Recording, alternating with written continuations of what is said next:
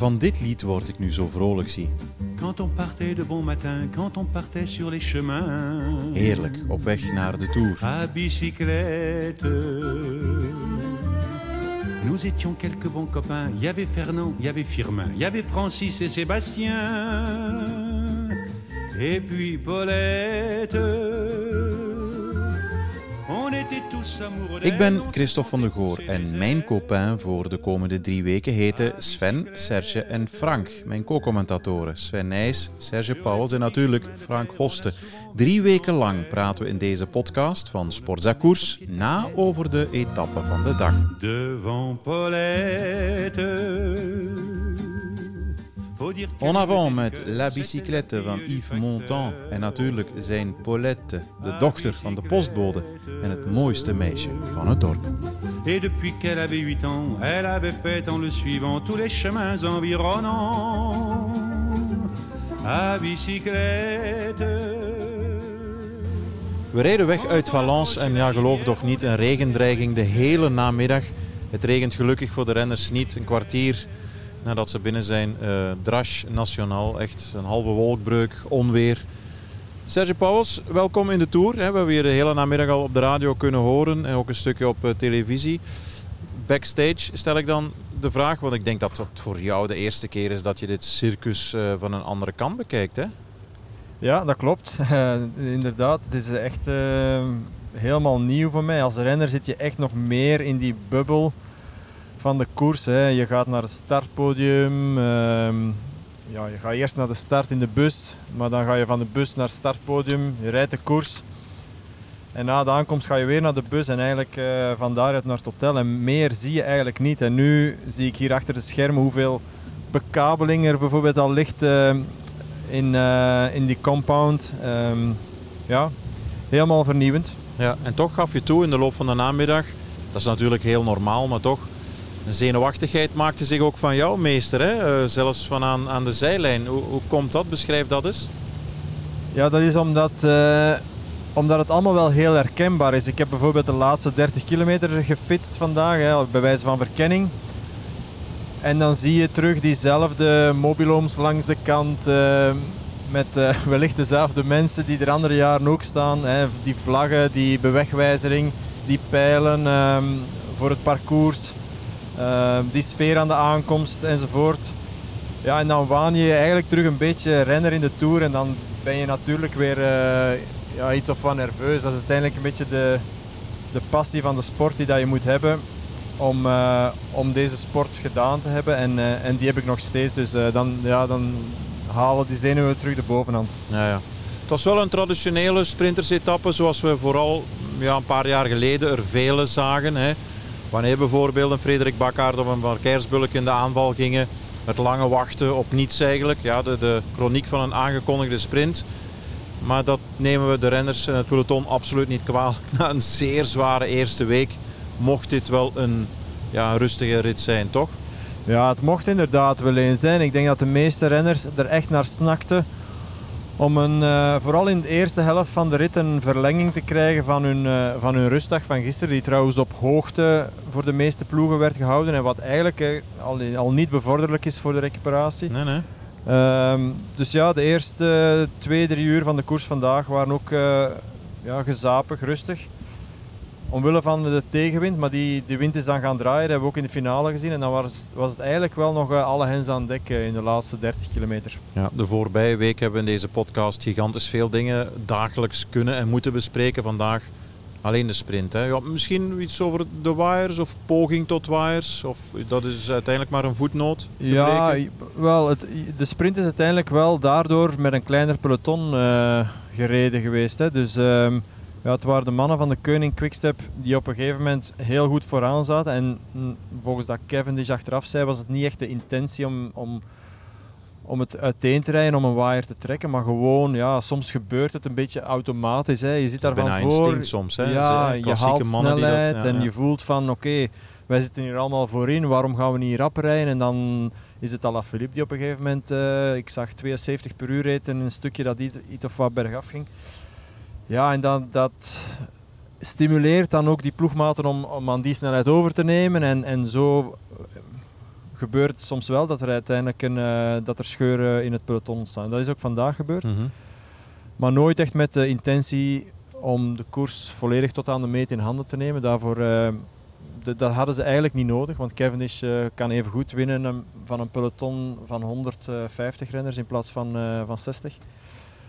Maar ja, dan die sprint zelf, eh, dat was eigenlijk weer eh, subliem. Hè. Op het Ja. moment dat ze onder de rode vod reden, het was Asgreen die ehm, de laatste kilometer aanvatte met Ballerini en Morkov en Cavendish nog in zijn wiel.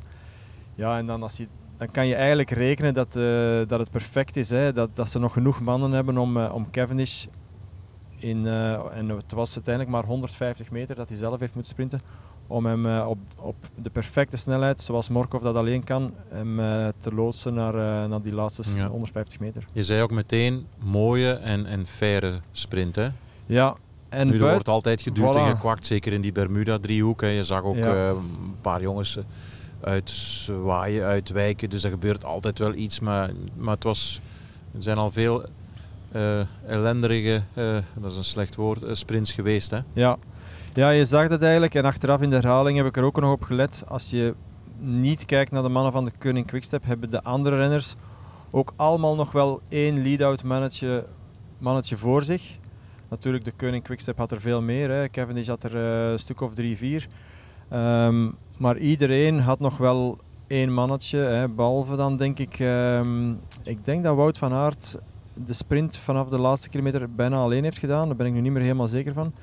Maar bijvoorbeeld ehm, ja, eh, Jasper Philipsen had nog, ehm had nog eh, Rickaard. Rickaard. Eh, Bouhanni had ook nog een mannetje. Ehm, Teuns was dan even het wiel kwijt van Jasper Stuyven, omdat denk ik Bouhanni ertussen kwam. Maar de meeste renners hadden wel, ja, hadden wel een, een, nog iemand en, en het was eigenlijk een hele mooie sprint. Hè. Er is ook geen enkele val gebeurd, gelukkig maar. Hoe groot is eigenlijk de waarde van dat numerieke overwicht, dat eh, perfect voorbereidende werk van de Koning Quickstep? En, en deel 2 van die vraag, hoe frustrerend is dat voor andere sprinters? Voor een renner als Cavendish is dat heel belangrijk. Want het is niet iemand die, die een sprint zelf kan doen. Iemand als Philipsen kan dat misschien wel. Maar Cavendish heeft dat echt nodig. En op het moment dat ik hem op één kilometer van de meet zag zitten, die blik van hem, dan weet je eigenlijk al, hij gaat het ook afmaken. En hij zegt dat ook achteraf in het interview van, ik, ik ben het verplicht om het af te maken. Maar ja, het lijkt allemaal zo simpel natuurlijk. Ehm, als wederdienst aan zijn ploegmaten. En ja, je gaat ook zien in de volgende sprinten dat nu ja, dat de Koning Quickstep opnieuw hetzelfde gaat proberen doen. Dat geeft hen natuurlijk ook enorm veel vertrouwen. Cavendish is op dat vlak ook een hele dankbare kopman in de zin dat hij het dan ook afmaakt als, als er voor hem gewerkt wordt. En ja, zoals je zegt, deel 2 van je vraag. Het is tegelijkertijd ook frustrerend voor de andere ploegen, want Wout van Aert, ik heb het, eh, ik heb het na de meet nog gelezen, dat hij in een opmerking zegt, ehm, ja, er is eigenlijk maar één ploeg die meer, die een echte lead-out heeft, en dat is de Koning Quickstep. En al de rest heeft, het, heeft maximum één, eh, één mannetje bij zich ehm, om de sprint te doen. Wat kan Van Aert daar tegen beginnen? In die zin dat hij wel zit waar hij moet zitten, namelijk in het wiel van Cavendish. Moet hij dan proberen de sprint sneller, sneller aan te gaan zoals Kev gedaan heeft in zijn, bij zijn tweede ritoverwinning. Daar begint hij net een fractie van Ja. een seconde sneller dan de rest en dat was de goede beslissing. Hoe kan je hem eh, kloppen of hoe kan je hen kloppen, deze hele quickstep-trein? Ja, je zegt het eigenlijk. Hè. Ik denk dat het de, de, de truc erin bestaat om misschien iets sneller dan, eh, dan Kev aan de sprint te beginnen. En vandaag zat eh, Wout van Aert echt aan de, aan de nadar en kon hij niet echt eh, vroeger aanzetten. Maar hij rijdt wel een heel goede sprint en eigenlijk mag hij wel hoopvol zijn voor de volgende dagen. Want mocht de finish iets verder gelegen hebben, had hij wel kans om, eh, om nog op gelijke hoogte van, van Cavendish te komen. En hetzelfde kan eigenlijk gezegd worden van Jasper Philipsen. Die ook, ehm, ja, ze zaten eigenlijk aan één kant hè, van Cavendish o- aan de meet. Dus eh, ze stranden allebei aan het voorwiel. Maar ze zijn wel allebei, ehm, zowel Wout als eh, Jasper Philipsen, zijn wel nog komen opzetten. Dus dat biedt wel mogelijkheden, maar anderzijds moeten we ook wel stellen dat, eh, dat de enige echte ploeg die de sprint hier kan voorbereiden met, met numeriek overwicht, dat dat de Koning Quickstep is. Wat is jouw mening over Cavendish? Ik heb ja, de mening, eh, heel veel mensen hebben daar natuurlijk wel uh, hun mening vorige week over geuit. Wat is voor hem, is het een, een man die sprint? hij is natuurlijk heel snel en rap, hè? anders doe je dat niet. Maar is het vooral een morele sprinter, iemand die op een wolk van zelfvertrouwen moet drijven? Um, ja, typeer hem eens. Misschien heb jij een andere of, of een speciale zienswijze op deze man die al zoveel besproken is? Ja, ik ken hem natuurlijk omdat ik uh, twee keer ploegmaat ben geweest van hem. Eén keer in, uh, bij, de Koning, uh, bij Omega Pharma Quickstep in 2013. En later ook bij Team Dimension Data. En ik heb twee keer met hem een grote ronde betwist waarin hij heel succesvol is geweest. In de Giro van 2013 waar hij de rode puntentrui won. En ook in de Tour van 2016 waar hij vijf ritten won. sorry, vier ritten en het waren er vijf in de Giro van 2013. En het is wel iemand die enorm, enorm dankbaar is en loyaal is naar zijn, naar zijn ploeggenoten. En, en dat staat een beetje in het contrast met de, met de grumpy Cavendish die we soms kennen van zijn, uh, ja, zijn interviews. Zoals bijvoorbeeld vorig jaar, hè, uh, wanneer hij naar de journalisten wat kortaf is en, en, uh, en absoluut niet, niet vriendelijk.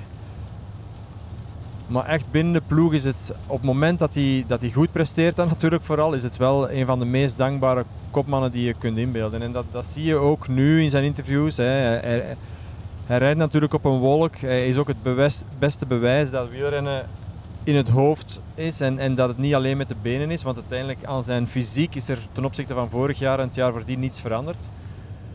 Uh, maar hij, is, ja, hij voelt zich beter in zijn vuil, is beter omringd. Uh, rijdt op, op een fiets waar hij graag op rijdt enzovoort. En al die kleine dingen ja, die maken dat hij nu gewoon terug in de flow is en terug ja, de Cavendish is van vroeger. Hè. Ja. Zijn natuurlijk ook wel dat in dit kader eh, heeft dat, doet dat eigenlijk weinig ter zake. Maar ik herinner periodes waarin hij zich minder goed verzorgde. Hè, zesdaagse kwam rijden met Ilio Keijsen, die dan heel gefrustreerd was, want die wou Gent winnen. Maar Kev was dan eigenlijk uh, totaal niet voorbereid. Die periodes heeft hij ook gehad. Hè. Dus ja. zoals je zegt, fiets waarop hij zich goed voelt, dat moet allemaal klikken. En als, dat, als die puzzel past, ja, dan, dan is het zeer belangrijk voor hem. Ehm, de trein doorheen zijn carrière. Als je kijkt bij High Road, bij, bij Telecom. Heeft Bernie Eisel, Mark Renshaw. Hij heeft altijd geweldige lead-outs gehad. Nu ook weer eh, Morkov doorheen zijn carrière. Hoe belangrijk zijn die geweest in de sprintcarrière van Mark Cavendish? Opnieuw heel belangrijk, hè, vooral voor hem. Hij, hij, geeft dat ook aan dat hij heel graag met Morkov wou, uh, wou komen sprinten bij de Koning Quickstep.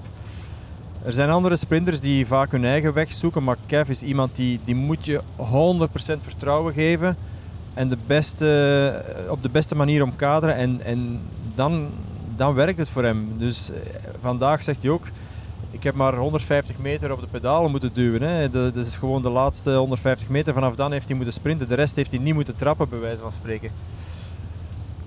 Natuurlijk, uh, het is niet evident om, om hem ja, dat kader te geven. En, en, en daarom heeft hij bijvoorbeeld in, in de vorige jaren in zijn carrière wel zijn vaste mannen rond hem gehad.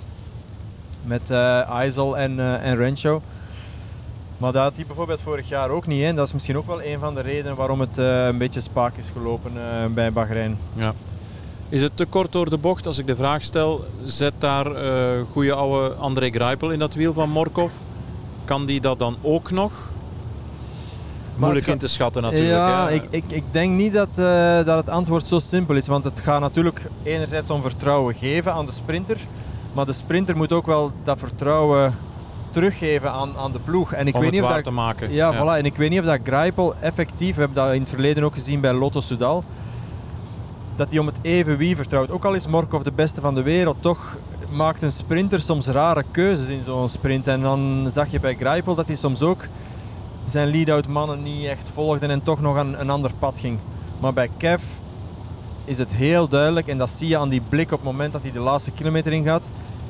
Dat is ja, gewoon die, die, die, onderlip, die onderlip die zo'n beetje ja, hangt. Zo en, dan weet je eigenlijk al, ja. ja, het is hier over my dead body dat er iemand mij hier vandaag gaat kloppen. Hè. Goed, Cavendish. Um, kan het, het record? Ja, wij mogen de vragen onder elkaar wel stellen en bespreken uiteraard. Het is niet omdat Cavendish het woord Merks niet wil horen, want dat maakt hem zenuwachtig natuurlijk, dat wij dat niet mogen doen. Je voelt ergens aan dat, dat het kan gebeuren, hè, dat het gaat gebeuren bijna. Ja, er zijn twee dingen. Hè. Enerzijds het moment dat hij naar de Tour is gegaan en dan dat hij die eerste rit is gewonnen, dan wist ik ook wel, het zal niet bij één overwinning blijven. En ten tweede, ja, er komen effectief nog kansen nu dat hij de beste is. Hij heeft er al drie gewonnen, we zijn tien ritten ver. We zijn eigenlijk uh, nog niet eens halfweg in de Tour. Jij hebt de kansen geteld, Christophe. Ik denk dat er nog een stuk of drie zeker zijn. Ja, ja minstens. Uh, ja. Misschien wel vier. Dus ja, als hij echt uh, niet graag antwoordt op de vraag uh, om vergeleken te worden met, met Merckx en dat record, uh, of hij dat kan breken, ja, misschien moet hij het gewoon deze Tour breken. Dan krijgt hij zeker in de toekomst die vraag niet meer en dan moet hij er ook niet meer op antwoorden. Dan gaat ongetwijfeld, mocht dat gebeuren, later de vraag komen van wie denk je dat jouw record nog gaat kunnen breken natuurlijk. Maar ja, er zit niemand aan te komen met dat getal. Dus, nee, het zal misschien wel voor de geschiedenis zijn, voor de eeuwigheid bijna. Nee, het is ook ja. wel zo. Um, ja, de vergelijking stopt daar ook wel. Hè. Merckx ja, heeft natuurlijk ritten gewonnen op Totaal alle vlakken. andere niet manieren. Alleen hè. Ja, in, niet, niet, alleen in sprints, maar ook in, uh, in tijdritten bergop. Heeft dan waarschijnlijk ook nog ritten weggegeven, zoals dat Hino, Hino dat ook heeft gedaan met zijn 28 zegens. Hè, dat was een beetje verdeel- en heerstactiek. Hè. Die, die mannen hebben ook de grote rondes gewonnen. Ja, dat heeft Cavendish natuurlijk niet gedaan. Maar het is toch wel, kijk, ik heb heel mijn carrière gevochten om ooit proberen één rit te winnen in de Tour. Dat is me niet gelukt. En hij ja, staat nu al op 33, dat is ja, fenomenaal eigenlijk. Zo is het helemaal. Morgen gaan we naar de Mont Ventoux, hè, speciaal voor jou. Je zal erover gesolliciteerd worden langs alle kanten. Ook Thomas de Gen natuurlijk, die daar won in 2016. Bij jou de ja, beroemde emotionele beelden met je familie, je, je gezin. Uh, kriebelt dat nu al een beetje? We gaan niet op de top zitten. Dat was toen ook niet. Hè. Felle wind uh, tot aan Chalais-Renard. Morgen zitten we in Malocène. Mm -hmm. uh, kriebelt het al een beetje? Speciaal ja, gevoel? toch wel. Hè, toch wel. het, het, is een, een, een, hele mooie berg. Het is een, een mythische berg. En er, ja, er hangt een verhaal vast hè, dat eigenlijk, ehm, ja, mocht ik daar gewonnen hebben, het is nu niet zo, maar dat dat ja, natuurlijk heel mijn carrière kunnen bepalen. Hè. En dat, dat een hele andere eh, elan aan mijn carrière kunnen geven als ik, eh, als ik daar had gewonnen. Nu, ja, het is nu niet zo, maar eh, er zijn inderdaad genoeg verhalen te vertellen morgen. Onder andere over die rit van 2016. Niet alleen wat er tussen de Gent en mij vooraan is gebeurd, hè, maar ook achterin met, met Froome die dan naar boven ging lopen. Er is ook ehm, ja, het jaar 2000 toen Pantani zogezegd de ritzee cadeau kreeg van eh, Armstrong. Ja, er is altijd wel iets gebeurd en het, ja, het is natuurlijk een fantastische berg die daar helemaal alleen in de Provence boven alles uitstijgt en, en dat alleen al, ja, als ik hem morgen zal zien, dan eh, zal het inderdaad beginnen kriebelen. Ja, we kijken daarnaar uit. Morgen dus een dubbele beklimming in normale weersomstandigheden van de Mont Ventoux. Eén keer vanuit Sceaux, de makkelijke kant tussen aanhalingstekens.